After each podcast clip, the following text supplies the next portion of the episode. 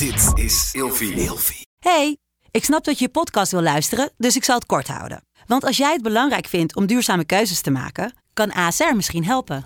Nou hoor ik je denken, hoe dan? Nou, bijvoorbeeld bij het duurzaam herstellen van schade. Of de premies die we beleggen volgens ons duurzaam beleggingsbeleid. Dat bepaalt waar we wel en juist niet in investeren. Wil je meer weten over welke duurzame keuzes ASR maakt? Ga dan naar asr.nl slash duurzame keuzes. ASR doet het. Zo, dan kan je nu lekker naar je podcast luisteren. Nou ja, kijk, ik zeg dan altijd van oké, als je dan dus die twijfel hebt, wat zijn dan de scenario's? De scenario's is oké, ik doe er niks mee. Ik blijf de rest van mijn leven twijfelen. De andere eh, keuze is oké, ik ga het gewoon doen ondanks de twijfel. En als ik dan zou, zelf zou kiezen voor het pad waarom ik niet AT'er kant op ga, dus ik neem het risico niet daar. Dat zou voor mij betekenen dat ik zeker weet, want zo zit ik nou met elkaar, dat ik over een paar jaar terug zou kijken en denken, ma, ik heb zo'n spijt van. Ik baal er zo van dat ik niet gewoon gesprongen ben. Dus je moet een keuze maken en dan kom je uiteindelijk uit op: oké, ik doe het wel of doe het niet. Het niet doen betekent dat ik spijt krijg en het wel doen betekent dat ik alleen maar kan falen. Ja, dus voor mij is het een no-brainer. Dan ga ik gewoon.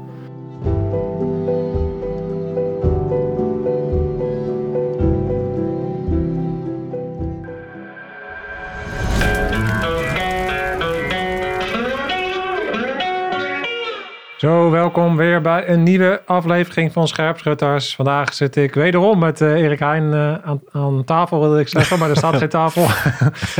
maar zit ik uh, met Erik Heijn in de studio. En we gaan vandaag een aflevering vol praten, met, vol met tools en tips en een aantal verschillende casussen langslopen. Ik denk een beetje rode lijn zal zijn presteren onder druk, want dat is ja. uiteindelijk denk ik waar wij elkaar vinden. Ja. Hè, presteren onder druk. Wat is presteren onder druk eigenlijk? Ja. Oh, dat is gelijk een vraag voor Ja. mij. Ja, dat is dit. Dit is, dit is ook al presteren Ja, onder druk. Je moet nu echt nu te plek een antwoord. Ja, ja, ja. Een beetje gelikt ook. Ja, Oh. bam. Wat is presteren onder druk, eh, Ja, godverdikke. Even, even, even mijn ademhaling reguleren. Nee, eh, nou, dat je een prestatie moet leveren eh, die jij moet leveren op dit moment. En die prestatie heeft, eh, heeft al of niet grote gevolgen. In ieder geval heeft gevolgen. En jij bent daar verantwoordelijk voor. Je bent ervan. Je bent ervan. Ik vergelijk het wel eens een beetje met, eh, noem maar wat, een helikopter landen. Dat wat nu moet gebeuren. Je kunt niet zeggen van, nou, doe het maar even niet. Het moet gewoon echt, er moet nu een prestatie geleverd worden. Die prestatie die heeft gevolgen. Waarschijnlijk word je er ook op, op beoordeeld. En, eh, en, en je weet niet of, je, of, of het lukt. Want dat is natuurlijk de grap met presteren onder druk. Als je zeker zou weten dat het eh, zou lukken. Dan is het geen prestatie. Nee. En, en, en het eh, feit dat je, dat je het haalt is voor jou belangrijk. Ja. Om een of andere reden. Ja, Ja. ja dat is mooi, ja. Ja, jij bent, eh, jij bent een van de. Jij was, jij was eigenlijk de openingsspreker op het Scherpschutters-evenement. Eh, nu alweer een, eh, bijna een maand geleden natuurlijk. Eh, wat eh enorm gaaf evenement is geworden. Waarop eh, natuurlijk een verrassing was dat het zo gaaf is geworden. Ja, we hebben dat eigenlijk best wel in een korte tijd uit de grond gestampt. Maar het was een soort mini-festival Ja. met eh, gave sprekers op het mainstage. We hadden een panel, we hadden een spervuur met Gijs Tuinman.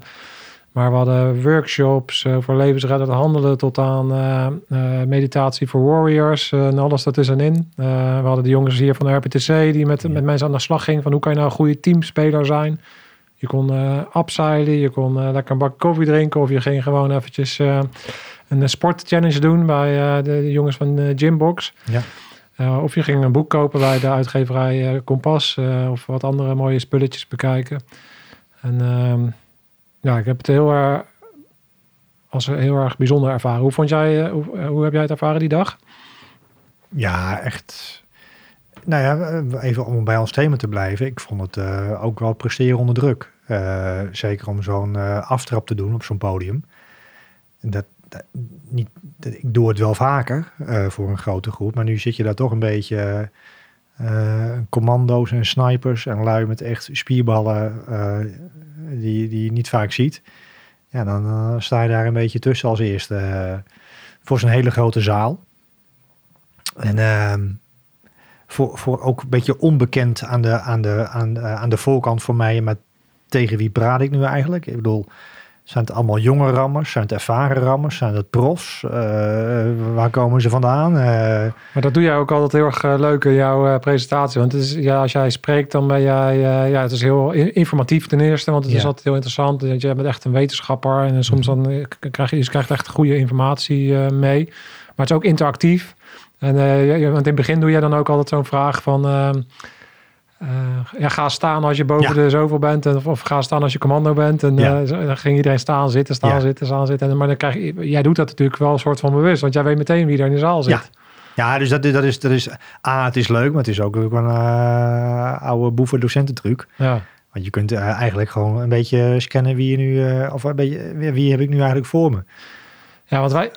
Ja, jij zegt dus ook dat is presteren onder druk. Voor jou is dat dus presteren onder druk op zijn podium staan. Maar je, maar je, je geeft dus eigenlijk uh, les in presteren onder druk. Waarbij ja. scherpschutters hebben, we, hebben onder andere dus een uh, online module. Um, maar, maar dat doe je vaker. Mm -hmm. En um, gebruik je, zet jij de tools die jij aanleert dan ook zelf in? Ja, precies. Dus uh, en, en ja, er spelen heel veel dingen nu door mijn hoofd. Maar A, uh, onder druk. Je hebt druk nodig. Want als ik daar gewoon ga staan van, uh, ja, zal me... Zal me... Reet roesten. Reet roesten. je wilt dat niet zeggen. Nee, nee, nee. dat heb je goed gezien, ja. Nee, maar dan, dan kom je er niet. En uh, als je helemaal hype bent, dan, dan kom je er ook niet. En ik, ik zat, als je, als je, als je dat, dat, wat ik ook liet zien, de prestatiecirkeltje had, ik zat heel mooi in het midden. Ja. Ik denk dat ik iets meer over de top zat. Want ik kwam thuis. Ik had een hele gave oefening bedacht. Dus ik zeg tegen een meisje van, ik zeg, maar heb ik die oefening met dat klappen ook gedaan? Klappen? Ik zeg, ja, daar heb ik echt heel lang uh, over nagedacht. Nee, dus die heb ik ergens gewoon... ik heb gewoon vergeten. Nou, ik heb hem wel doorgedrukt ergens, maar... Ja. Uh, je bent ook bezig, met, je bent met de zaal bezig. Ik kijk af en toe eens even op de voorste rij en ik zie jullie en ik wil nog even weten hoe laat het is. En dan, uh, maar voor mijn tools zijn, uh, mijn tools zijn bewegen. Dus als ik stress heb, en dat is ook al bekend van adrenaline, dan, dan moet je gewoon even bewegen. Want als ik dan stil blijf staan, dan ga ik helemaal... Maar zo loop je rond op het podium. Dat is voor jou, ja, dat, helpt, dat helpt verlichten. Je helpt verlichten. Ja. Connectie maken. Uh, is ook een hele mooie coping tool. Dus even in, in, uh, in contact komen met, met in dit geval een zaal. Maar dan, hè, hoe, hoe doe je dat dan? Nou ja, door, door, door een vraag te stellen, door even interactief te zijn. En dat haalt je wat uiteindelijk wil je gewoon uit. En die, die spanning gaat vooral in je kop. En uh, je wil niet te veel. Ja, het klinkt een beetje gek, maar je wil niet te veel nadenken over hoe het allemaal zou gaan en hoe het zou moeten. Nee. En ik. Is dat in dit moment komen? Ja, ja. Dat zijn dus tools om gewoon daar, gewoon daar te zijn. Ja. En, want al, die gedachten over wat allemaal mis kan gaan, of of het allemaal goed genoeg is, of of dat je goed genoeg voorbereid bent, dat zijn allemaal afleidende gedachten, zoals je het hebt over presteren onder druk. Ja. Of dat je al bezig bent met wat zal er op de volgende dia staan. Of vinden ze het wel leuk wat ik zeg. Ja, dat je dan ineens uh, denkt, oh shit, niemand, niemand lacht. Of, nee, of er zitten mensen te gapen. Ja, of, uh, ja, ja, ja, ja, ja. ja. Dus ik, ik heb dan heel erg nodig, dan moet ik gewoon in actie komen, in een moment komen en dan, dan ben ik er ook volledig. Ja, en maar ik weet niet hoe jij dat ervaart. Ik vind het presteren aan zich, dus jij hebt het al over, dan sta ik al op het podium. Presteren. Dan ben je aan het presteren. Dus daar heb je natuurlijk tools, tools nodig. Dat gaan we zo meteen ook nog wel even een beetje induiken. Wat voor tools jij dan uh, inzet. Wat ik zelf ervaar, het meest onprettige aan presteren onder druk, vind ik toch wel de aanloop. Mm en dat herkennen we natuurlijk ook allemaal wel. Als je echt iets spannends moet doen. En laten we dit voorbeeld even van het. Oh, je staat op een podium. Je, moet, je, moet, je weet dat je moet gaan presteren. De avond van tevoren uh, kan het al komen. Bij de ander komt het vijf minuten van tevoren. Overvalt het je ineens de spanning. maar, bizar, maar de meeste mensen die iets gaan doen wat ze belangrijk vinden. En waar dus een bepaalde consequenties aan kunnen zitten.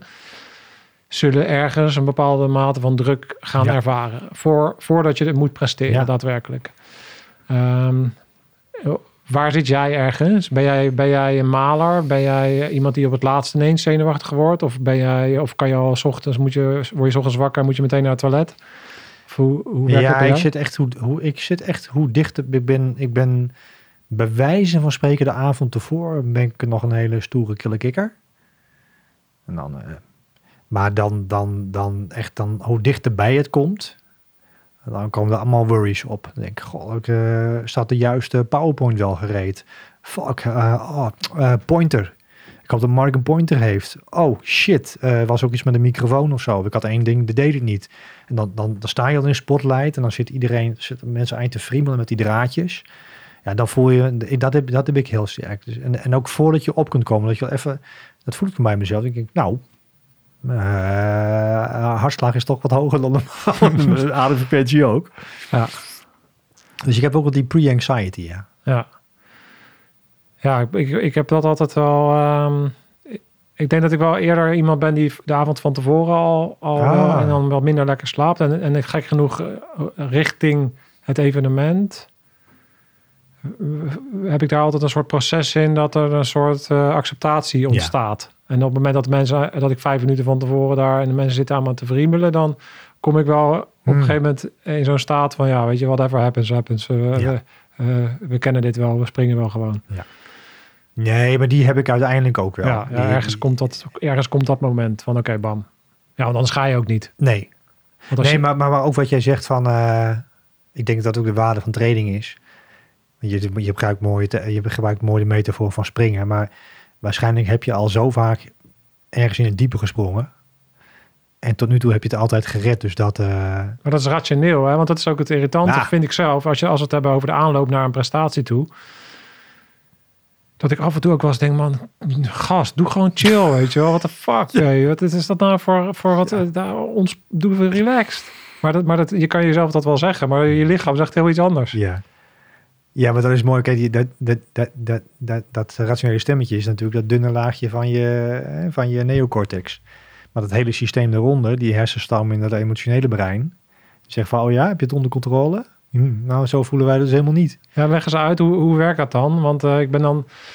Want eh, ja, het is, je, je weet rationeel dat ik niet ga sterven daar op het podium. Ja. En toch ga je dus dru- druk zitten maken. Of iemand anders zit te luisteren die morgen misschien een examen heeft op school. Ja, je weet dat ook al. eh, heb je totale blackout. Het is niet dat je dan vervolgens eh, van de aardbodem weggevaagd wordt. En Ja. toch, toch ontstaat er een enorm eh, stress. Ja, kijk, je, je brein is een voorspellingsmachine.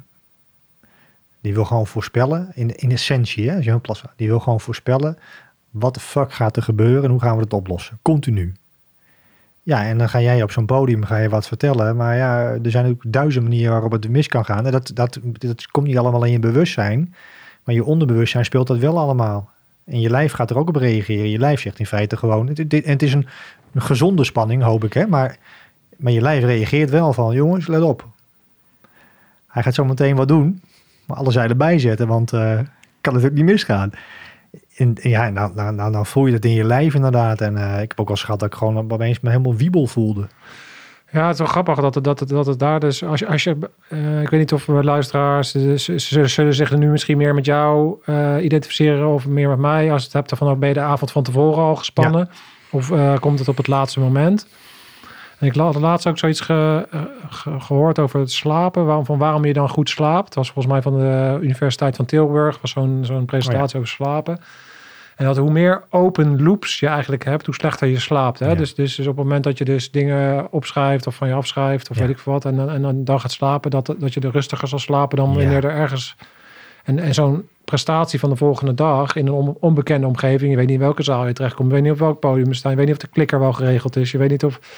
Hij is dus dan zijn er dus onbewust, in je onbewuste processen staan er waarschijnlijk gewoon een hoop deurtjes open. Waardoor je dus eh, jezelf onbewust of bewust, of hoe je het ook wil noemen, in een soort alert status zet. Het gaat gewoon volledig onbewust. Dat is wat ik zeg. Je brein is een voorspellingsmachine. Die weet dat jij dat volgende dag gaat doen. En dan kun je van alles tegen jezelf zeggen natuurlijk. Maar eh, dat machientje ratelt gewoon. Want die gaat alle scenario's al, al, al langslopen. Dus je moet ergens iets, iets doen. En wat jij zegt van je afschrijven, supertool. Het geeft toch een soort van... Ben je een, een soort van... Want, wat, wat is de grootste wens van je brein? brein is dat hij weet... Oh, we zijn onder controle. Mark heb onze rug gedekt. Nou, als jij dat al op gaat schrijven, en uh, wat heb je opschrijft, nou, dat... Oh, klikker, ja, heb ik bij me. Even checken, Ja. heb ik mijn presentatie Ja. gedaan, heb ik dit, heb ik dat, dat, Ja. ja. ja, dat je... ehm, Ja, dat je dat even van je afschrijft, kan, kan een, een kan tool een zijn. fijne tool zijn. Een andere tool kan zijn, eh wat leuk dat gelijk bij de tools ook eruit uitkomen, is... Kijk, je, je, je brein wat zich zorgen maakt, je, je, ik noem het even je onderbewuste, je emotionele brein, die, die, die kent geen... Die, dat gaat uit zich in je lichaam. Dus soms helpt het ook gewoon om even naar je lijf toe te gaan. Gewoon even uit je hoofd. Ja, hoe doe je dat dan? Want eh, ja, dus, oké, ik, ik, ik Ja. projecteer even op mij. Ik ben de Ja. avond van tevoren, ik moet morgen het podium op en er staan 500 man voor me. Ja. Ik voel dat ik eh, een beetje kriebels in mijn buik heb. Ik ben een beetje onrustig. Ik, eh, ik, eh, ik heb niet echt veel honger. Dat is eh, ook zo'n eh, kenmerk dan van als de stress toeneemt. Ja. Ehm, hoe, ehm, ik voel mijn lijf al genoeg. Dus eh, ik wil helemaal niet naar mijn lijf. Want eh, ja, en ik heb al helemaal niet de rust om dan te gaan zitten en een soort meditatie te gaan doen. Ja. Want zo, zo onrustig ben ik. Wat, Ja, en dan moet je het juist doen. En, en, wat, wat moet ik dan juist doen? Hoe, hoe doe Ja, ik dat? kijk, het gaat niet van, dit, dit is iets wat je, wat je eh, een dagelijke SOP moet maken. Hè? Nee. Als je, ja, je kunt geen truc uit de hoge hoed toveren die je nog nooit gedaan hebt. Maar om, juist om wel te leren als de spanning heel hoog is. Het hoeft niet per se een meditatie te zijn. Het kan ook een bodyscan zijn. Of kan ook een ademhalingsoefening zijn.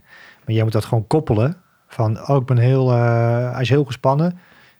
En dan doe je jouw interventie. En dan word je rustig. En als die associatie eenmaal gemaakt is. Zo werkt het brein. Die weet dan van gespannen, hij gaat een paar keer ademhalen, is hij weer oké. En eigenlijk, eigenlijk, dat is de grote grap. dat is echt een grote grap. Eigenlijk maakt dan het hele interventie geen hol meer uit. Wat het is, maakt niet meer uit. Of het, Als jij weet, als jij weet, ik ben nu heel gespannen, ik kan niet slapen, weet ik veel tot aan paniek toe. Maar je weet, ik heb ergens in mijn rugzakje heb ik een, heb ik een ankertje. Be it meditatie, bodyscan, eh andere manieren. ademhaling. ademhaling, ik zal het nog wel noemen. En je, je hebt dat getraind en je hebt succes daarmee gehaald, dan is alleen de gedachte al van, nou weet je, als het echt niet lukt, dan doe ik gewoon even mijn ding.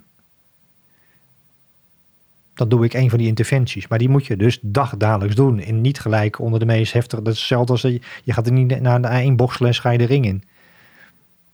Nee.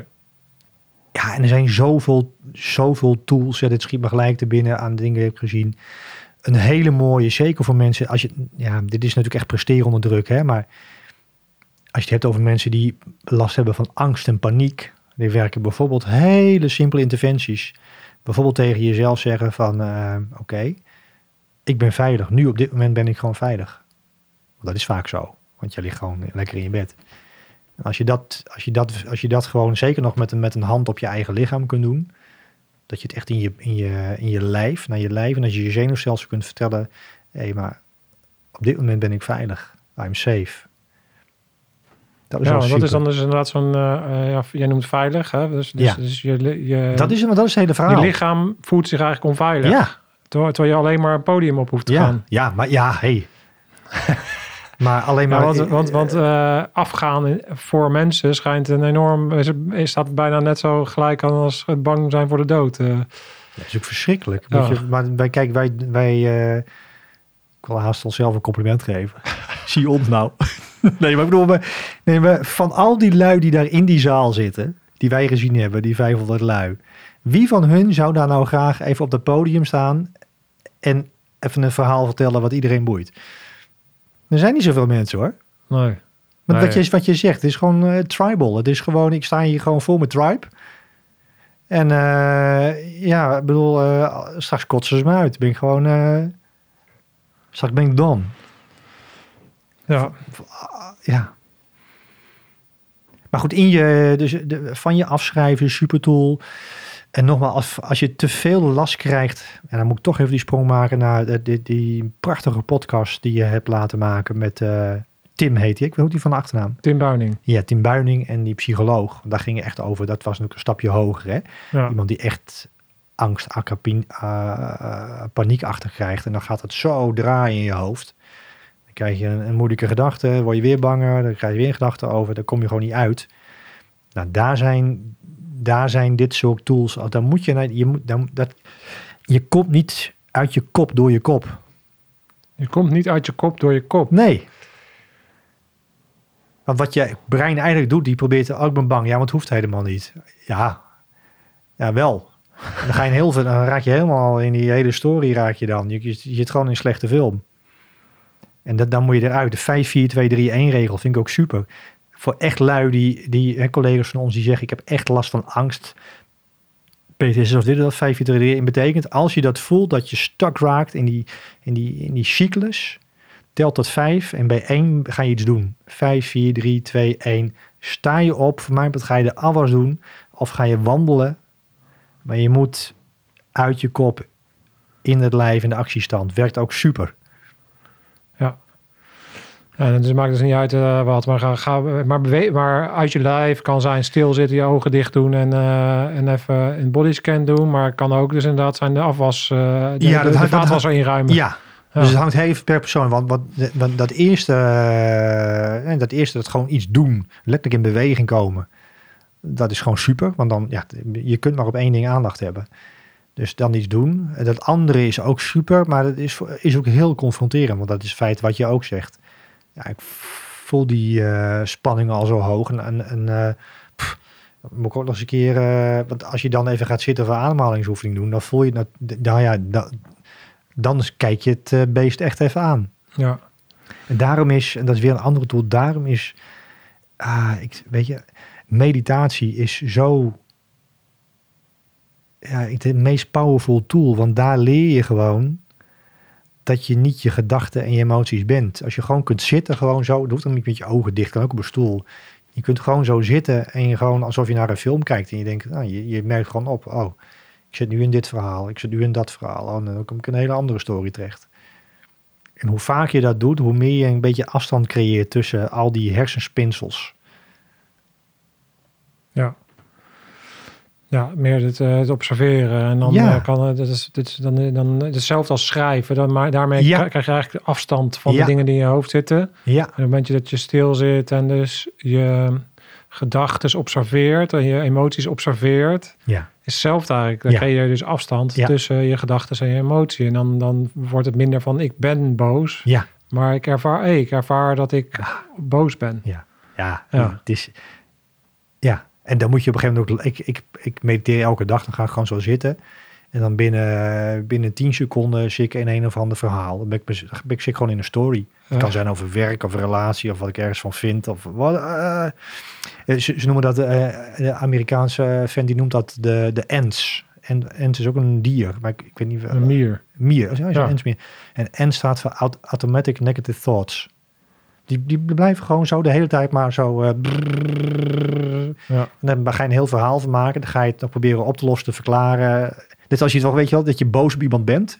Dan ga je een heel verhaal in je hoofd houden. Nou, de volgende keer als ik hem zie, ga ik dit zeggen, zegt hij dat. Maar ga ik dit zeggen, maar weet je wat?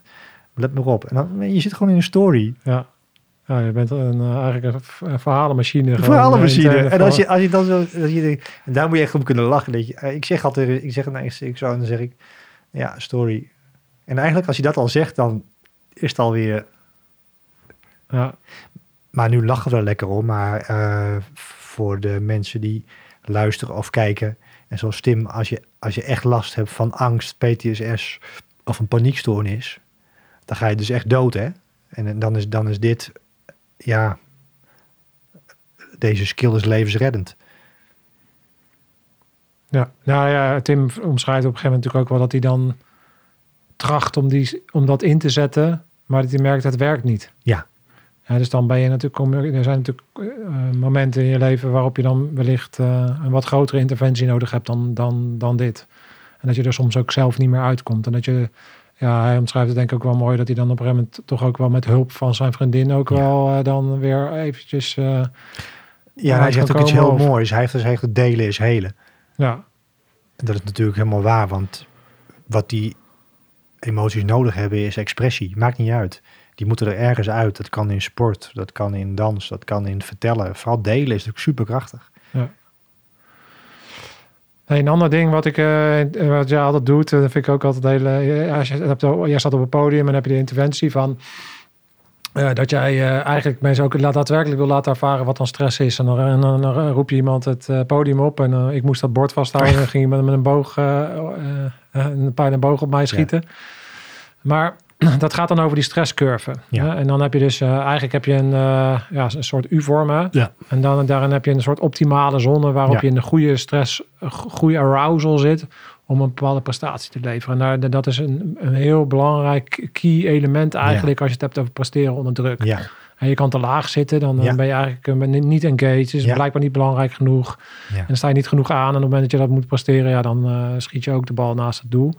Maar je kan ook, en dat zullen denk ik de meeste mensen meer herkennen. Ik denk dat er meer mensen, als ze echt moeten presteren, te hoog zitten.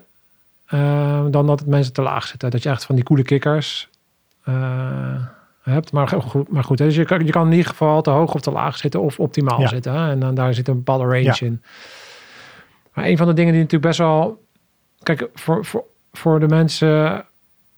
Nou ja, laat, laat ik mezelf als voorbeeld nemen. Ja, ik, ik doe mijn hele leven al allerlei dingen die ik belangrijk vind en die ik niet kan. En die ik, waar ik mezelf elke keer de diepe in gooi en kijk, oké, eh, ik heb nog nooit een eh, film gemaakt in eh, Kenia, maar ik pak mijn camera, we gaan daarheen. Ik heb geen idee waar ik, terecht kom en we gaan maar draaien en we zien het wel. En dat, trucje heb ik gewoon al zo vaak in mijn leven gedaan.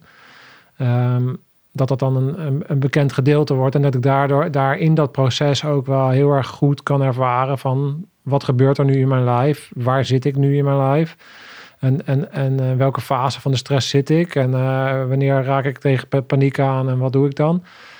Ik denk dat het lastigste is als je, het, als je meer bedreven wilt worden in, in presteren onder druk en je wat jonger bent en je misschien nog niet zoveel ervaring hebt, is waar zit ik nou eigenlijk? Waar zit ik op die curve? Is het nou optimaal Ja. of, of niet? Heb je daar tips voor om, om, om eh, naast natuurlijk gewoon vaak dingen doen en, en dan aanwezig te zijn in dat moment en, en die ervaring op te doen van oké, was de stress die ik ervaarde nou helpend of niet?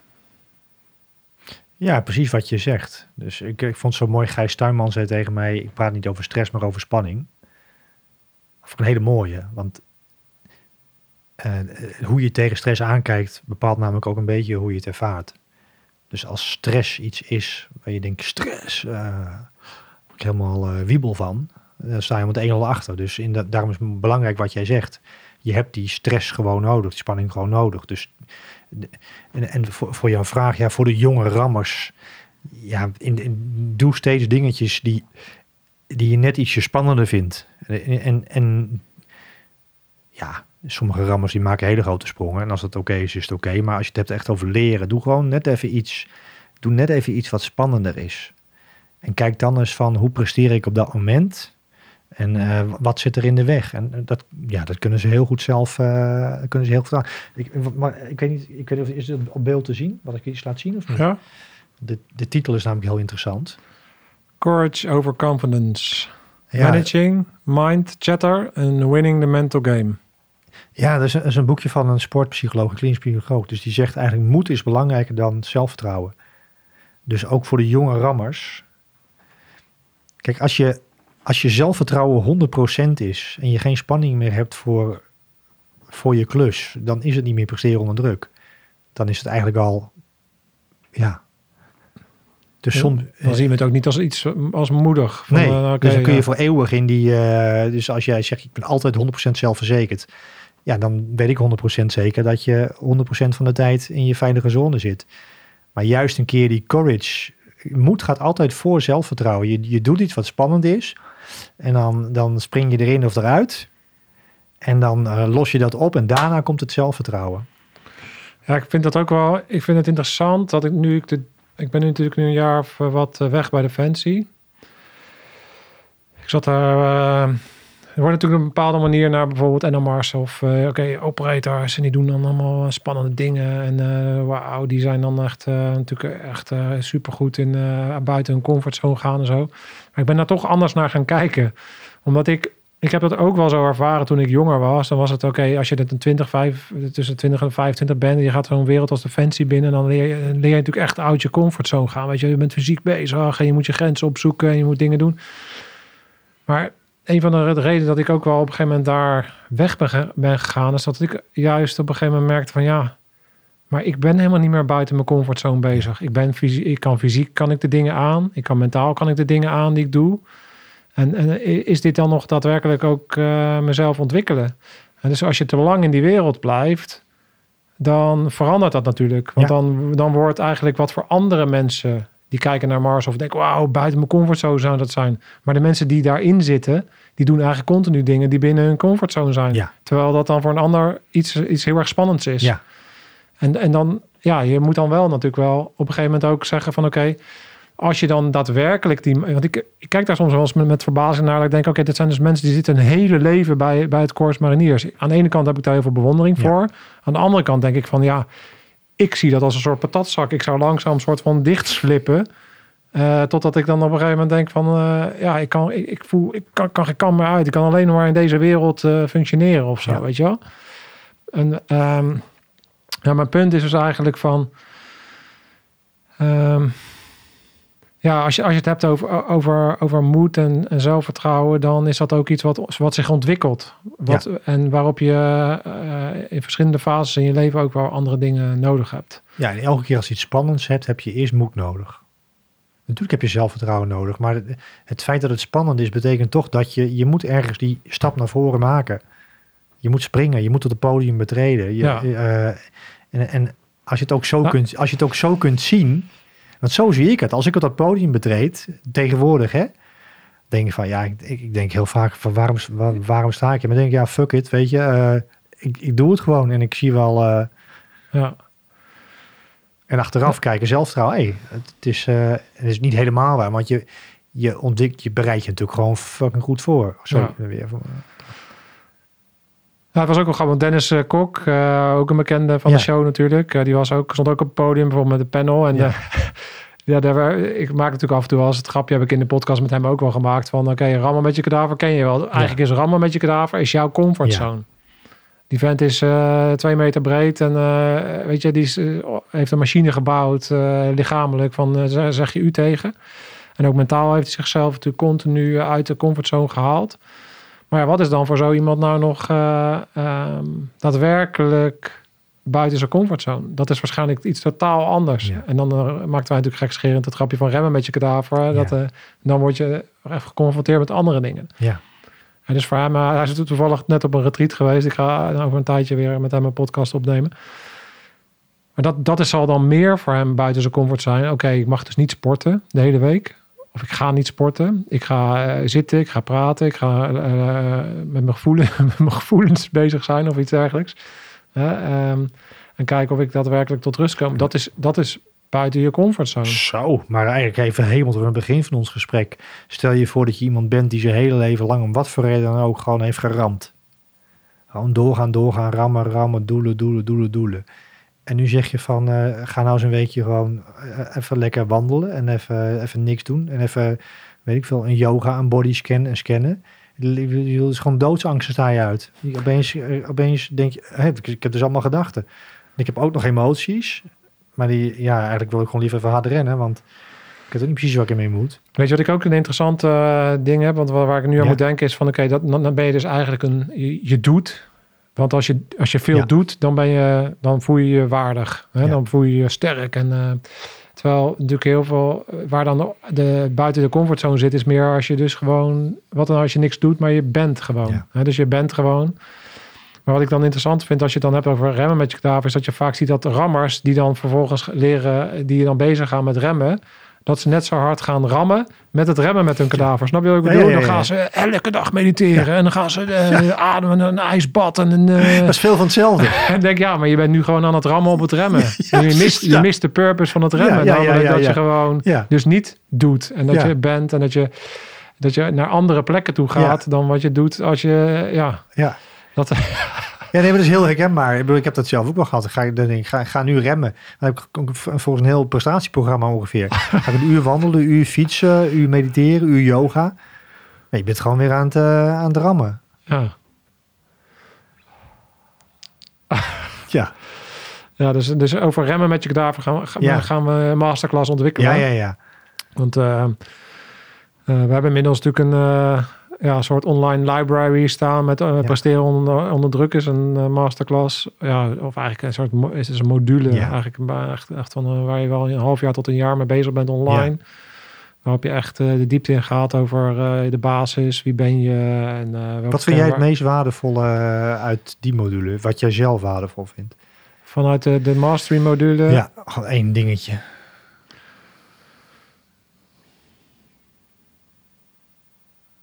Ja, ik vind zelf het meest interessant eigenlijk het begin. De basis vind ik zelf het interessantst. Terwijl de meeste mensen zullen hebben, eh, zullen het eind, eh, hoofdstuk 7 bijvoorbeeld, gaat echt over presteren onder druk. En het gaat over ademen eh, dingen. Maar dat, dat, dat is natuurlijk voor mij dingen waar ik natuurlijk heel veel met mijn leven mee bezig ben geweest. Maar ik merk altijd dat, dat eigenlijk het moeilijkste en het meest ingrijpende is eigenlijk het begin waarop je de vraag stelt, die ik ook altijd stel hier in de podcast, is wie ben je eigenlijk? Ja. Ik vind dat, ja, ik, voor mij is daar, zit daar meer, komen daar meer interessante dingen naar boven Ja. dan een eh, scan and brief, Ja. eh, waarop we ook een masterclass hebben. Dat, is, dat, is, dat gaat ook een stukje over gezondheid en wie ben ik, maar het gaat ook heel erg over, oké, ik ben in de potom, ik moet eh, een uur werk in vijf minuten doen. Hè. Ik moet me omkleden, ik moet me overal aan, ik moet mijn schoenen poetsen en ik moet over drie minuten buiten staan. Dat is eh, druk en dan eh, kan ik bepaalde ademhalingstechnieken gebruiken of een scan and brief even uit Ja. het moment komen om dan uiteindelijk te presteren. Dat, dat, Ja. dat is super interessant. En dat zullen de meeste mensen het- hetgene zijn waar ze naar op zoek zijn. Maar ik denk dat eh, als je die module eenmaal gaat beginnen, dat je de meeste waarde gaat halen uit, ah, gek genoeg, toch, toch ook het begin van meer. Je leert gewoon jezelf kennen. En als je de basis hebt van wie ben je eigenlijk, en je vervolgens ook dus een soort van het zelfvertrouwen en de moed vindt om dan steeds meer spannende dingen te gaan doen. En daarin vind je dan steeds meer ontdek, ga je steeds meer ontdekken over wie je daadwerkelijk bent. Ja. En dat proces is dus een leven lang, want ik weet nog steeds niet. Ja, ik kan nu wel zeggen wie ik ben, maar wie je bent is ook een soort van in ontwikkeling. En eh, ik bedoel, ja, als je, als je helemaal filosofisch wordt, is dat Nee. natuurlijk niet in ontwikkeling. Dan is, is dat Ja. altijd een soort van het, hetzelfde. Maar het, het, het- eigenlijk om daarbij te komen, wie je daadwerkelijk bent, daar heb je dus heel veel, ja, daar heb je heel veel ehm, werk en kennis voor nodig. Ja. En daar heb je tools voor nodig om, om, om dat te ontwikkelen. En om steeds weer opnieuw te ontdekken wie je bent en waar je staat en welke belemmeringen daartussen zitten. En zou het ook zo kunnen zijn, Mark, die vraag bedenk ik me voor het eerst eigenlijk, dat er een verschil is tussen, tussen beginnende rammers en gevorderde rammers. Dat beginnende rammers misschien heel veel houvast hebben aan, eh, als ik dan straks moet presteren, heb ik dan eh, die tools. En dat als je een gevorderde rammer bent, dat je dan een soort van, een soort van eh, het leven wordt voorwaarts geleefd, achterwaarts begrepen. Dat je, als je Nou, ouder ik wordt... denk 100%. Ik, ik vraag me wel eens af. eh, we hebben natuurlijk eh, Mi- Michiel, Michel van der Pols hier gehad over, over de ehm, zelf. De, ja, die, die wil heel erg graag de, de zelfbewuste militair Ja. creëren. En ehm, nou, ik vind dat een heel interessant gesprek. Ik vind dat een hele interessante theorie. En ik ben ook heel erg benieuwd hoe dat zich verder eh, ehm, gaat ontwikkelen. Maar de grote moeilijkheid daarin gaat zitten van als ik nou heel erg zelfbewust was van wie ik daadwerkelijk was toen ik twintig was, was ik nog steeds in staat geweest tot die, tot die onmenselijke prestaties. En had ik dan nog steeds eh, eh, ja, mijn vingers eraf gevroren in Noorwegen om eh, maar die prestaties te leveren. De vraag. Ja. En ik denk dat ik dat niet zou kunnen. Nee. Ik denk eerlijk gezegd dat ik dat niet zou kunnen. Dus ik, ik, ik moest daar die grenzen opzoeken. En, eh, en, en dat is misschien niet de, de zelfbewuste eh, militair waar hij het dan over heeft hoor. Ik bedoel, ik ben nog steeds, ik denk nog steeds dat je meer jezelf kan zijn in die fase. En meer kan begrijpen wat je dynamieken zijn. En nog steeds eh, uitdagende dingen kan doen. Maar ik, ik denk wel dat er, dat er een verschil is tussen ja, in fasering eigenlijk van oké, een Ja. jonge rammer moet heel erg tools hebben om dingen te doen en dingen te, te leren en dingen mee te maken.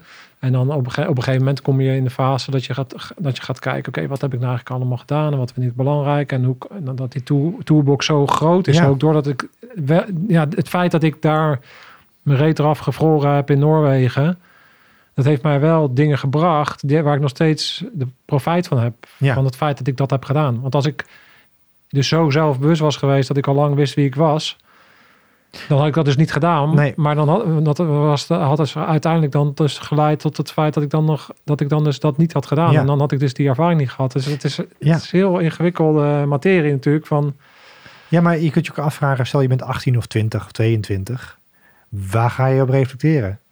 ja, waar ga je op reflecteren? Ja, ik bedoel, Ja. er zijn natuurlijk heel- mensen die, er zijn heel veel lui die al best wel veel hebben meegemaakt, maar Als je alleen maar thuis zit, wat heb je dan te reflecteren? ja, en dan je gaat een nieuw avontuur aan, je gaat bij Defensie. Ja, je moet denken, dit is even een ingewikkelde quote, maar die is heel mooi. Die, die zeggen dat existentie gaat vooraf essentie. Dus je moet eerst leven en dan ontdek je je, je essentie. En voor mij, voor de jonge rammer ook. Je voelt je ergens tot een bepaalde avontuur aangetrokken, tenminste rammers. En natuurlijk is het wel goed om even stil te staan van wat vind ik nou belangrijk en uh, waar wil ik naartoe enzovoort. Maar je, zult, je moet eerst gewoon ervaringen opdoen. En volgens mij is dat dus die continu. Uh, en, en hoe meer ervaring je opdoet, hoe meer je gaat terugdenken van, oh, past het wel bij mij? Uh, ja. ja, ik vind het ook een interessant vraagstuk op het gebied van dat ik nu wel. Je merkt nu dat er gewoon heel erg anti-militaristisch gedachtegoed rondgaat. En logisch ook. Er gebeurt van alles in de wereld. Mensen zien andere informatie. Maar dat ik wel eens gesprekken heb online met mensen die dan een enorm oordeel hebben over waarom ik militair zou zijn. En ja. hoe ik dan als een pion en weet ik wel wat van de elite dan allemaal dingen aan het doen ben.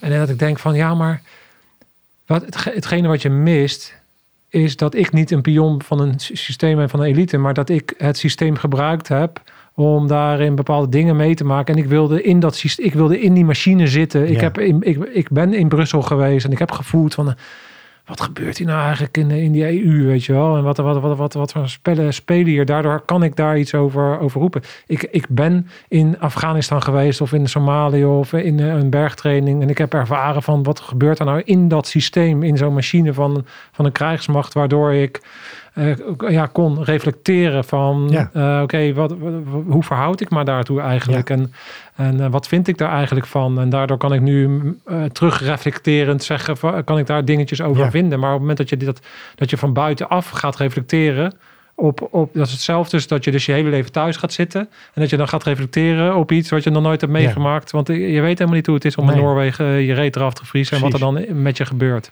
Nee.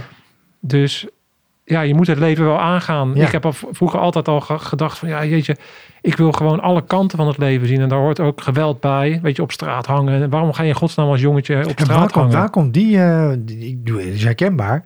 Maar heb je enig zicht op waar dat dan, dat is, dat is gewoon die drive hè?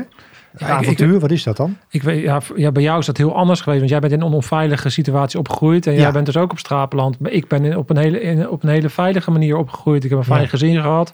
Maar, maar ik heb al, daarin juist altijd iets gemist. Voor mij was het heel gezapig. Een, een, een hoger middenstands gezinnetje. In een veilige buurt, in een veilig land. En ik voelde gewoon, eh, ook als ik om me heen keek, van ja, maar er gebeurt van alles in de wereld. Ik wil er wel bij zijn. Ik wil weten wat, wat, wat er gebeurt. En ik wil weten ja, wat de grenzen van het leven zijn, zeg maar. Dus je gaat dan op pad. En, en voor mij was het op pad gaan natuurlijk ook... Uh, ja, dan... Maar is het dan toevallig? Want dit zullen heel veel jonge jongens herkennen. Dit, dit, dit, dat, dat vermoed ik. Trouwens, dat weet ik. Want ik heb honderden studenten per jaar. Dus dat zie ik aan de jongens. Of, uh, ik, ze weten niet precies wat, maar ze willen gewoon uh, de wereld in, whatever het is. Maar kom jij dan toevallig bij, is, bij Defensie? Of heb je daar een heel beeld bij dan?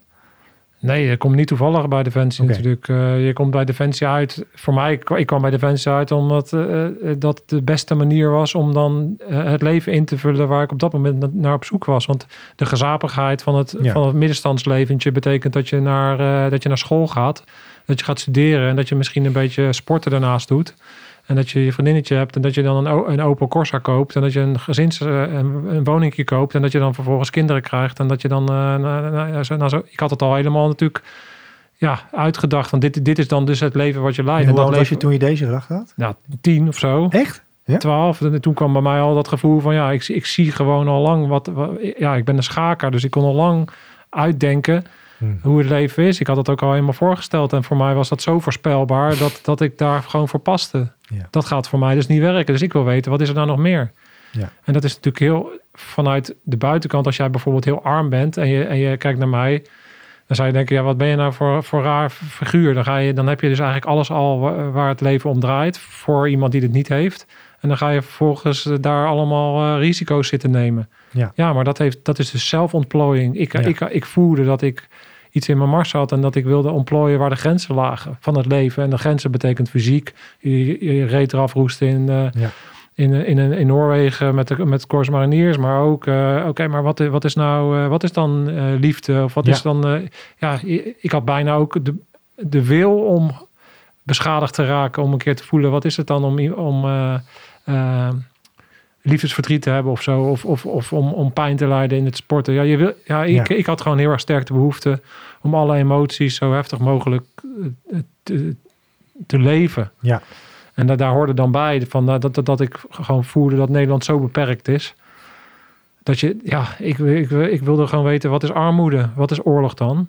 Maar hoe, dan, als het op je tiende al begint, hoe gaat het dan tot je... Want wanneer ben Ja, je... dat begint natuurlijk met, met topsport. Dan ga je topsport doen. Dan ga je Ja, kijken, oké, wat zijn, eh, oké, wat, wat als ik nou mezelf, eh, kan ik eh, de beste worden in de, sp- in de sport? Ja.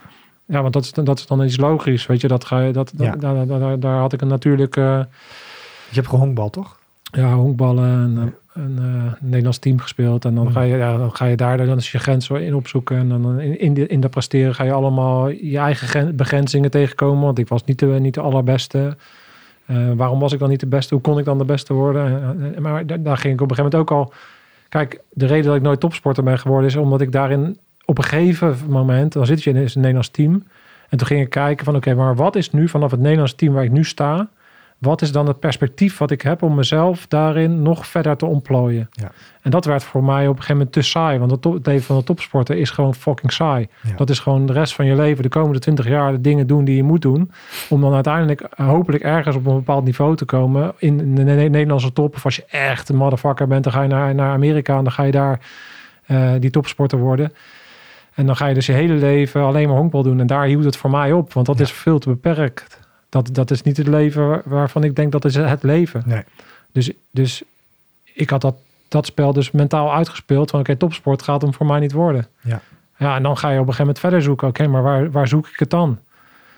Ja, ja, misschien toch een beetje die, die moeilijke kant. Hoor. Met die, ik vind die gastjes die op straat hangen. En die, eh, die, die ja, ik heb een- zo'n periode gehad. Dan vond ik gewoon jongens die minder eh, slim. Ja, slim is niet het goede woord. Lijkt een hoger, minder, een ander niveau hadden. Meer de werkers, de arbeiders. Gewoon de straatjongens. Ja. Die vond ik veel interessanter dan die jongetjes op VWO natuurlijk. Want dat, ja, die, dat kende ik wel. En eh, dat was allemaal een beetje gezapig en braaf. En, en die gastjes, die, eh, ja, die eh, voerden wat rauwer, zeg maar. Dus dan heb je een aantrekkingskracht daarin. En dan hang je op straat en dan met alles wat daarbij hoort. En dan wil je natuurlijk ook... Dan ben, en dan, toen raakte ik geïnteresseerd in... maar waarom doen mensen eigenlijk slechte dingen in het leven? Waarom, waarom, doen, waarom heb je criminelen? En wat, wat hoort daar dan allemaal bij? Ja, weet je... En zo zijn er zoveel dingen in het leven eigenlijk die... eh, je kan wel allemaal oordelen hebben over iemand die criminele dingen doet. Maar waarom doet iemand dan criminele dingen? Nou, dat, daar kan je natuurlijk eindeloos Ja. over, over filosoferen en over beleven en over voelen. En op het moment dat je de politiekant op gaat, is dat denk ik ook iets waar je natuurlijk in geïnteresseerd zou moeten Ja. zijn. In de psyche van de Ja. criminaliteit, van de regels. Maar dan kom je op een gegeven moment bij Defensie uit. Die, dus deze, deze intuïtie van... dit is een soort intuïtie, toch? Of je wordt ergens toe getrokken. Wat is het? Ja, dus de- kijk, voor mij, de politie werd het niet, omdat dat dan voor mij ook werd te gezapig voelde, Oh ja. omdat daar de regels heel erg belangrijk zijn. Dus Ja. ik vind politiemensen over het algemeen veel te rechtlijnig. Mhm. En de reden dat ik uiteindelijk bij de mariniers uitkwam, is omdat ik daar, daar voelde ik een soort van een eh, boevigheid die ik interessant vond, die ik herkende vanuit de straatjongens. Corps Mariniers waren een beetje... eh, ja, Maar wist je dat aan de voorkant? ja, dat zag, dat, dat, Oh. dat, dat zag ik wel in, de- in, in de... Dat zat er voor mij een beetje in de mysterieusheid die daar rondom hing. Mhm.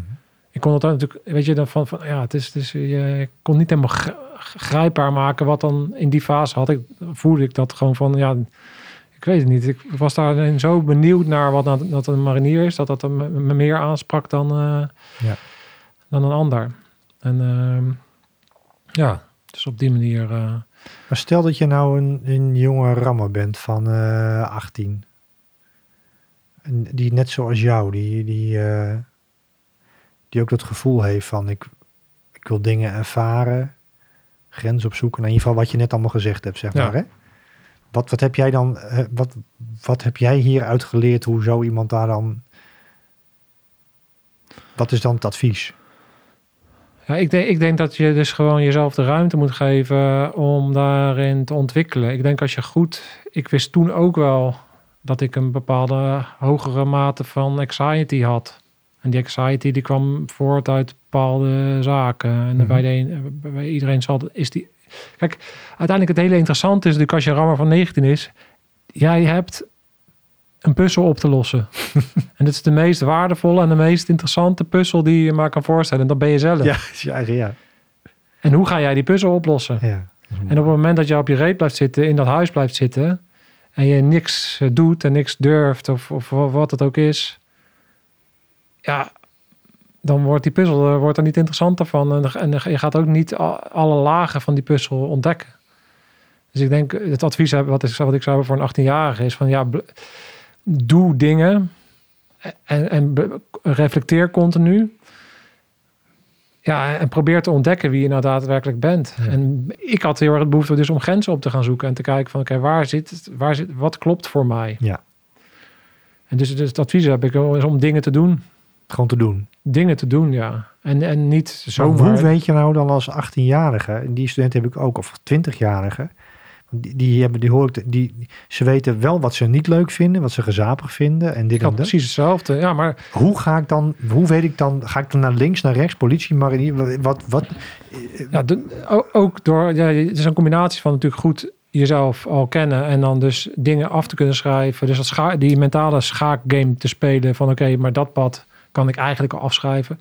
Dat pad kan ik al afschrijven. Dan blijven er misschien 25 paden over, waarvan je ook niet helemaal precies weet hoe of wat. Ja, dan is het enige weg is op een gegeven moment om dan dus paden te gaan bewandelen en ze af te schrijven. Ja. Ja, volgens mij is dat het enige wat je kan doen. Dan ga je dus gewoon een pad bewandelen. En dan, eh, ja, dan ga je gewoon onderweg eh de, ja, er tegenaan lopen. Van, dus je, eh, gaat, je, je gaat gewoon die puzzel oplossen. ja, je gaat die puzzel oplossen. En, maar eigenlijk weet je ook nog helemaal niet hoe, hoe die puzzel je, eruit je weet ziet. nog niet eens wat die puzzel, hoe die puzzel eruit Je hebt ziet. een soort, je hebt soort lege puzzeldoos of zo. Ja. ja. Naarmate je...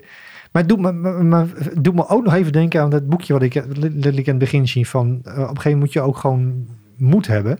Want ik zie ook, ik zag bijvoorbeeld bij de politie vaak dat heel veel jongens dan eh, AT, AT, AT, maar net ook niet durven. Ja, maar ja, eh, weet ik veel. Straks raak ik geblesseerd of haal ik de selectie niet of dit. Wat, als je nou twee, als je nou op een puntje staat.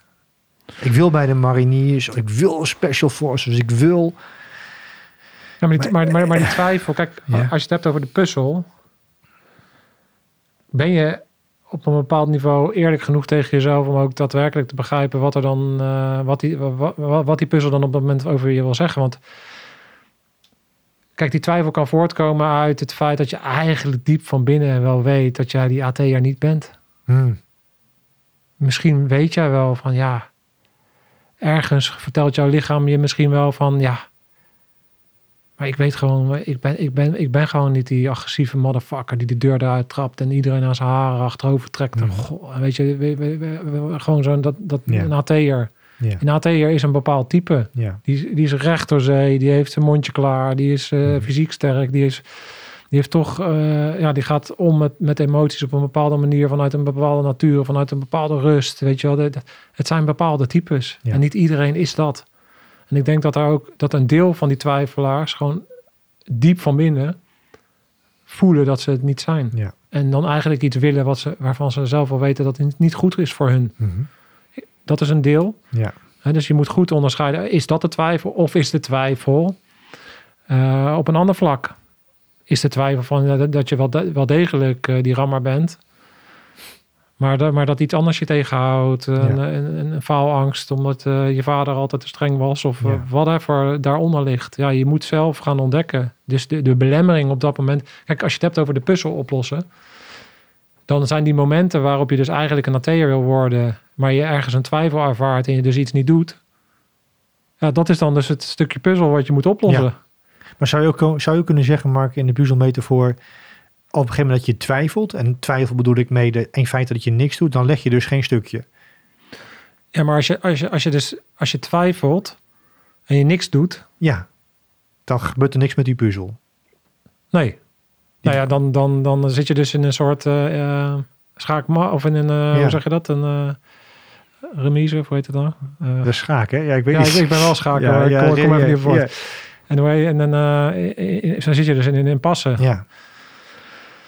Dus kun je beter misschien dan toch gewoon... Ja, plut het stukje ergens neer... waar je denkt, Nou ja, probeer het kijk, gewoon. ik zeg dan altijd van, oké, als je dan dus die twijfel hebt, Ja, wat zijn dan de scenario's? ja, De scenario's is, oké, ik doe er niks mee. Ik blijf de rest van mijn leven twijfelen. ja, Oké, wat, wat, wat, wat, wat betekent dat dan? ja. Schrijf dat maar eens uit. Oké, de andere ke- keuze is, oké, ik ga het gewoon doen ondanks Hmm. de twijfel. Ja. Wat kan er dan gebeuren? Of ik zeg, weet je, ik doe het gewoon niet. Ik ga een ander pad in. En dan ga je, als je, als je daar, als je die Ja. scenario's gewoon voor je uitschrijft, dan eh, ga je op een gegeven moment, kijk, ik zou dat zelf dan op een gegeven moment gaan uitschrijven. En als ik Ja, ja. dan zou, zelf zou kiezen voor het pad waarom ik niet AT'er kant op ga, dus ik neem het risico niet daar. Dat zou voor mij betekenen dat ik zeker weet, want zo zit ik nou met elkaar, dat ik over een paar jaar terug zou kijken en denken, Ja. "Ma, ik heb zo'n spijt van. Ik baal er zo van dat ik niet gewoon gesprongen ben. Ook al had ik me, had, had ik me een klap op mijn kop gekregen. Ja. Dus ik, ik weet dat ik op dat moment twee keuzes heb. Dus de eeuwig blijven twijfelen. Ja, dat scenario, als je dat uit gaat schrijven, dan denk je, ja, dat, dat is dus een totaal bizar scenario. Want Ja. dat, dat, dat, nou, dat kan niet. Dus je moet een keuze maken en dan kom je uiteindelijk uit op, oké, ik doe het wel of doe het niet. Ja. Het niet doen betekent dat ik spijt krijg en het wel doen betekent dat ik alleen maar kan falen. Ja. Ja, dus voor mij is een no-brainer. Dan ga ik gewoon. En, Maar- wat, en wat, wat heb jij ingezet aan de voorkant? Je gaat dan op een gegeven moment ga je die mariniersopleiding in. Eh, Wat voor, met wat voor mindset ging je erin? In de zin van, ging je met twijfel erin? Of had je voor alles voorgenomen van, ik ga dit sowieso doen? Hoe zat jij erin? Eh, eh, de twijfel is altijd. Hm. Het is echt een, tenminste voor mij is het echt een fabeltje om dingen te doen die je belangrijk vindt, zonder dat er twijfel is. Ja. Onmogelijk. Ja. Dus, dus die twijfel, die zelftwijfel en eh, mezelf eh, naar beneden praten en weer optillen en zo, dat is een soort continu proces als je iets moeilijks gaat doen Ja. als, als marinier worden. En Dat hoe, is- hoe, en hoe doe je dat? Kunnen we daar ook iets uit leren, wat we ook in onze cursus behandelen? Nu, Ja. zit, nu zit er iemand in die opleiding. En die, accepteer de, de chaos. Hmm. Eh, Acceptance. Ja. Ja, dus eh, ACT is natuurlijk, Ja. dus Acceptance eh, Commitment Training is natuurlijk een belangrijk gegeven. Ik zei ook be open, be present Ja. en do what matters. Dat daarin komen, komen natuurlijk heel veel dingen samen. Ja. Op het moment dat je dus marinier wordt, accepteer de chaos. En de chaos is intern, extern. Eigenlijk is het, is het op, de, op dat moment is het gewoon totale chaos in je leven. En daarin Ja. moet de enige, de enige steady die je hebt, is dat je elke keer weer opstaat. Ja. Want elke keer als ik mezelf naar beneden praat, om een of andere reden, ja, als het belangrijk genoeg is, dus do what matters, Ja. dan sta ik weer op en dan ga ik gewoon weer, ga ik, ga Ja. ik weer wandelen. ja. Dus ik denk dat de les daarin is, oké, ehm, continu, continue zelfreflectie. Ja. Accepteer de chaos, intern en eh, extern. En eh, ja, blijf gewoon opstaan en voorwaarts gaan. En, en als je nou, ik weet niet of het hetzelfde vraag is hoor. Maar nu hebben we natuurlijk ook wel casuïstieken van, van lui die eh, vol goede moed beginnen. eh, precies weten waarom ze doen. En dan ergens dan in zo'n opleiding op een punt komen dat ze, dat ze gaan twijfelen waarom ze het überhaupt doen. Ja, ja die. Ik vind, dat, ik vind dat een hele moeilijke. Omdat in alles wat ik in mijn leven gedaan heb, wat van belang is, kom je op het punt waarop je in die buitenste schil komt van, van Ja. waar ben ik in godsnaam mee bezig. Dat is, dat is gewoon een stand. Dat is, dat is ook Ja. gewoon standaard. Ja, Ik heb dat met scherpschutters ook. Dat ik dan dat ik weer een podcast aan het editen ben. En dat ik denk, ja, weet je, ik, eh, ik moet mijn rekeningen betalen. Ik moet dit, en ik moet dat. Dan ben ik weer in een andere podcast. En, en dan hebben er maar weer duizend mensen gekeken. Ik denk, waar ben ik in godsnaam mee bezig, joh? Kap er nou eens een keertje mee. Ja. Weet je, eh, dus dan kom je, ergens als je dus iets aan het doen bent wat veel werk kost, wat doorzettingsvermogen kost, wat een opoffering kost, waarop je andere dingen niet kan. Dan, dan, dan ga je op dat punt komen van dat je totale zelftwijfel hebt. maar zeg je dus eigenlijk, dus Ja, je, zegt ik- eigenlijk van, beste jongens en meiden die luisteren, dit gaat je gewoon gebeuren. dit gaat je gebeuren. En ik zeg niet dat je dan dat, het, het verschil leren over opgeven en stoppen, of Hmm. ehm, eh, van richting veranderen of eh, opgeven, dat moet je dan eh, dat moet je leren kennen. Ja. Want ik, ga, ik zal nooit zeggen van ja, je moet het doorgaan ten, op, ten koste van alles. Want dat, dat, dat, dat, is niet wat, dat is niet wat ik zeg. Maar, maar dus, dus de puzzel die ik op te lossen had, kan anders zijn dan voor een ander. Maar valt er iets te zeggen? kan Ik dus zit- nooit oordelen over Nee, iemand nee, nee, die dat snap ik. Maar ik zit echt te denken nu gewoon concrete lui die nu in een AE, AT, OT, eh Marshof, KCT opleiding zitten en die letterlijk nu vandaag, die luisteren de podcast en die, die zijn, nu aan het wiebelen. Hè? Ja. Ja, ik weet het. Ik, eh, en die hebben ze allemaal redenen verzonnen om ermee te kappen. Hoe, hoe, weet je nou, hoe weet je nou of je om de, om de goede reden stopt? Is, is daar iets over te zeggen? Voor mij, het enige wat ik uit ervaring weet, want ik ben daar ook geweest, 100 miljoen keer. Het enige is, de, je kan dat iemand anders niet aanleren. Je Hmm. voelt het. Oh, Je, ik, je voelt het verschil. Voor mij was de pijn als ik ging zitten en ik in het allerdonkerste moment was, ik had het koud, ik twijfelde, ik, ik zat echt in een, duis, in een duistere fase. Op het moment dat je dan daadwerkelijk op het punt komt om het concreet te maken, om te zeggen, ik ring, ringel aan die bel, ja. is neem even dat moment om, om echt diep in jezelf te graven en te voelen wat er daar gebeurt. En is de pijn van opgeven waar je mee bezig bent en het perspectief wat het leven, wat, wat, wat, wat, wat zich dan aandient als je niet opgeeft. Omdat, eh, ben je bereid om, dat, a- om daar afscheid van te nemen? En als je daar een ja-gevoel in voelt, van ja, maar ergens komt er een moment waarop de aantrekkingskracht van het andere leven, ik stop met de opleiding en ik zie mezelf, ik ben thuis met mijn meisje, ik heb, ik heb eigenlijk wel meer stabiliteit, ik, ik- die, die chaos vind ik super leuk, maar ja, ik zie mezelf gewoon meer in het leven eh, van wel een vaste baan en of, of een andere, andere carrière, of wat het ook is. Er, er is een spanningsveld Ja. tussen aantrekkingskracht en dat Ja. voel je. Je voelt gewoon van, oké, maar ja, ja, bij mij was het van, ja, maar ik, ken, ik weet al waarin ik dan terugkeer. Ja. Dat gezapige middenstandsleventje voor mij, dat, dat, dat, was voor mij hetzelfde als de dood. Ja. En dat klinkt heel heftig, maar zo voelde ik dat. Dus op het moment dat ik voor opgeven stond, toen voelde ik van ja, ja, nee, het is sterven of dat perspectief van de avonturen die mij te wachten staan als ik het Korps Mariniers, eh, Ja. als ik die baret wel haal. Of die opleiding Mars of wel haal.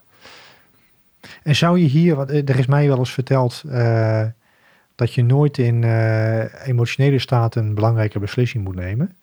Geldt dat hier ook? Ja, maar dat is natuurlijk dat is best wel lastig, want je bent eigenlijk in zo'n traject eigenlijk een continue staat van emo- emotionele. Oké. Maar in, in basis klopt het, ja. In, in basis moet je, doe je er altijd slim aan om eh, even te wachten en uit te stellen. En op het moment dat je echt wil opgeven, als het je lukt om uit te stellen, Ja, hè? dan eh, en je het weekend haalt. En daarom zeggen ze ook altijd van, eh thank God it's Friday. ja. Want dan heb je misschien weer één of twee dagjes om, eh, om bij te sturen. Ze hebben al heel veel eh, inzichten eruit gehaald, voor mijn gevoel. Ja, Contact met wat belangrijk is, chaos accepteren. Als je op een podium staat, hoe pak je dat aan? Als je, last hebt van angst, paniek, tools.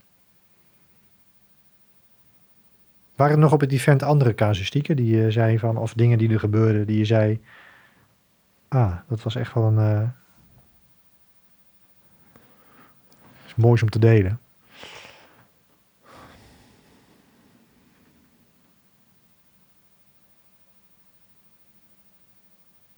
Nou ja, kijk, dit, eh, een van de dingen die natuurlijk heel ehm, ja, een beetje populair zijn, dat is ook, eh, maar waarop natuurlijk heel veel eh, waarde zit, is ademhaling. Hè? Ja. Ademhaling is een soort bijna een toverwoord. Je ziet er heel veel dingen. Een van de redenen dat wij de Scan and Brief ademhalingsmasterclass hebben ontwikkeld. Jij hebt hem ontwikkeld, ik heb hem Mhm. voor je in beeld gebracht.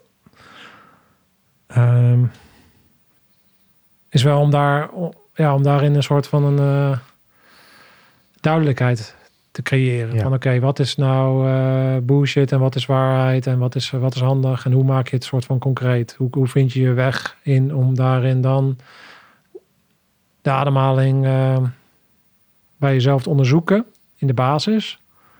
En dan vervolgens vanuit die basis wederom te kijken, oké, maar wa- en wat kan ik dan dingen, dingen tools toepassen onder hogere druk? En, dat en, dat, en dat was natuurlijk interessant ook wel bij, ehm, bij die Mystery Challenge. Ja. Die dappere jonge mensen die de Mystery Challenge aangingen aan het eind van het scherpschuttersevenement. Ja. En we gingen vragen van, oké, hoe reguleer je jezelf? Ja. Dan zie je eigenlijk al dat ze vanuit nature al natuurlijk Ja. vaak eh, toch ook zeggen, ja, even, even eh, extra uitademen. Ja. Wat, wat een van de Ja. wat, dus, wat we eigenlijk dus al van, van onszelf weten, zo onbewust, dat dat werkt om jezelf wat rustiger te maken. En daar dan handen en voeten aan. Als je dan een professional bent en je echt in presteren beter wil worden, dan kan je, is het slim denk ik om daar wat meer kennis over op te doen. Ja, en ik vind zelf een hele mooie stop en drop. Dus, dus zeg maar even stoppen. Het kan ook mentaal zijn, hè? niet per se mentaal zijn. Even zorgen dat je adem laag is. En een heel klein beetje uitzoomen. Want ik zie het ook aan het asperview met Gijs Tuinman ook. Op een gegeven moment zie je dat hij even een momentje 3, 2, 1 en bam, maar dan kan die weer. Dat is dan een mentale stop en drop. Maar, maar ja, net even dat moment of die jongen die naar voren kwam, die die pijl, eh, die moest die pijlenboog in elkaar Pijlenboog. zetten. En toen target eh, eh, richten. Binnen een minuut. En dan zie je op het laatste, dan gaan er nog 10 seconden. En dan, dan zie je al dat dat, dat niet voor elkaar komt. Dan gaat iemand in de versnelling. En dan, nou, dan, dan zit je natuurlijk op het punt waarop het mis kan gaan. En ik heb hem daarvoor of daarna net even, oh toen wou hij wel gelijk gaan schieten. Maar er stond nog een beetje zo. Toen heb ik hem nog doorheen gecoacht van, nou, maar als je nu even die, die korte stop en erop doet, die ene korte break. Dat is het verschil tussen raak en niet raak. Stop en drop. Ja, dat vind ik een hele mooie. Kan altijd. Maar wat mij ook opviel in de gesprekken, en dat is, dat is, mooi dat jij dat ook aan het begin zei. Je, je noemde zelf het woord onderzoeken, maar ook over die puzzel. Dan praat je met mensen, iemand zit in een opleiding, die zegt, ik moet dat en dat doen. Ik zeg, heb je, heb je een tip? Ik zeg, ja, soms even die seconde pakken en even goed uitademen. Oké.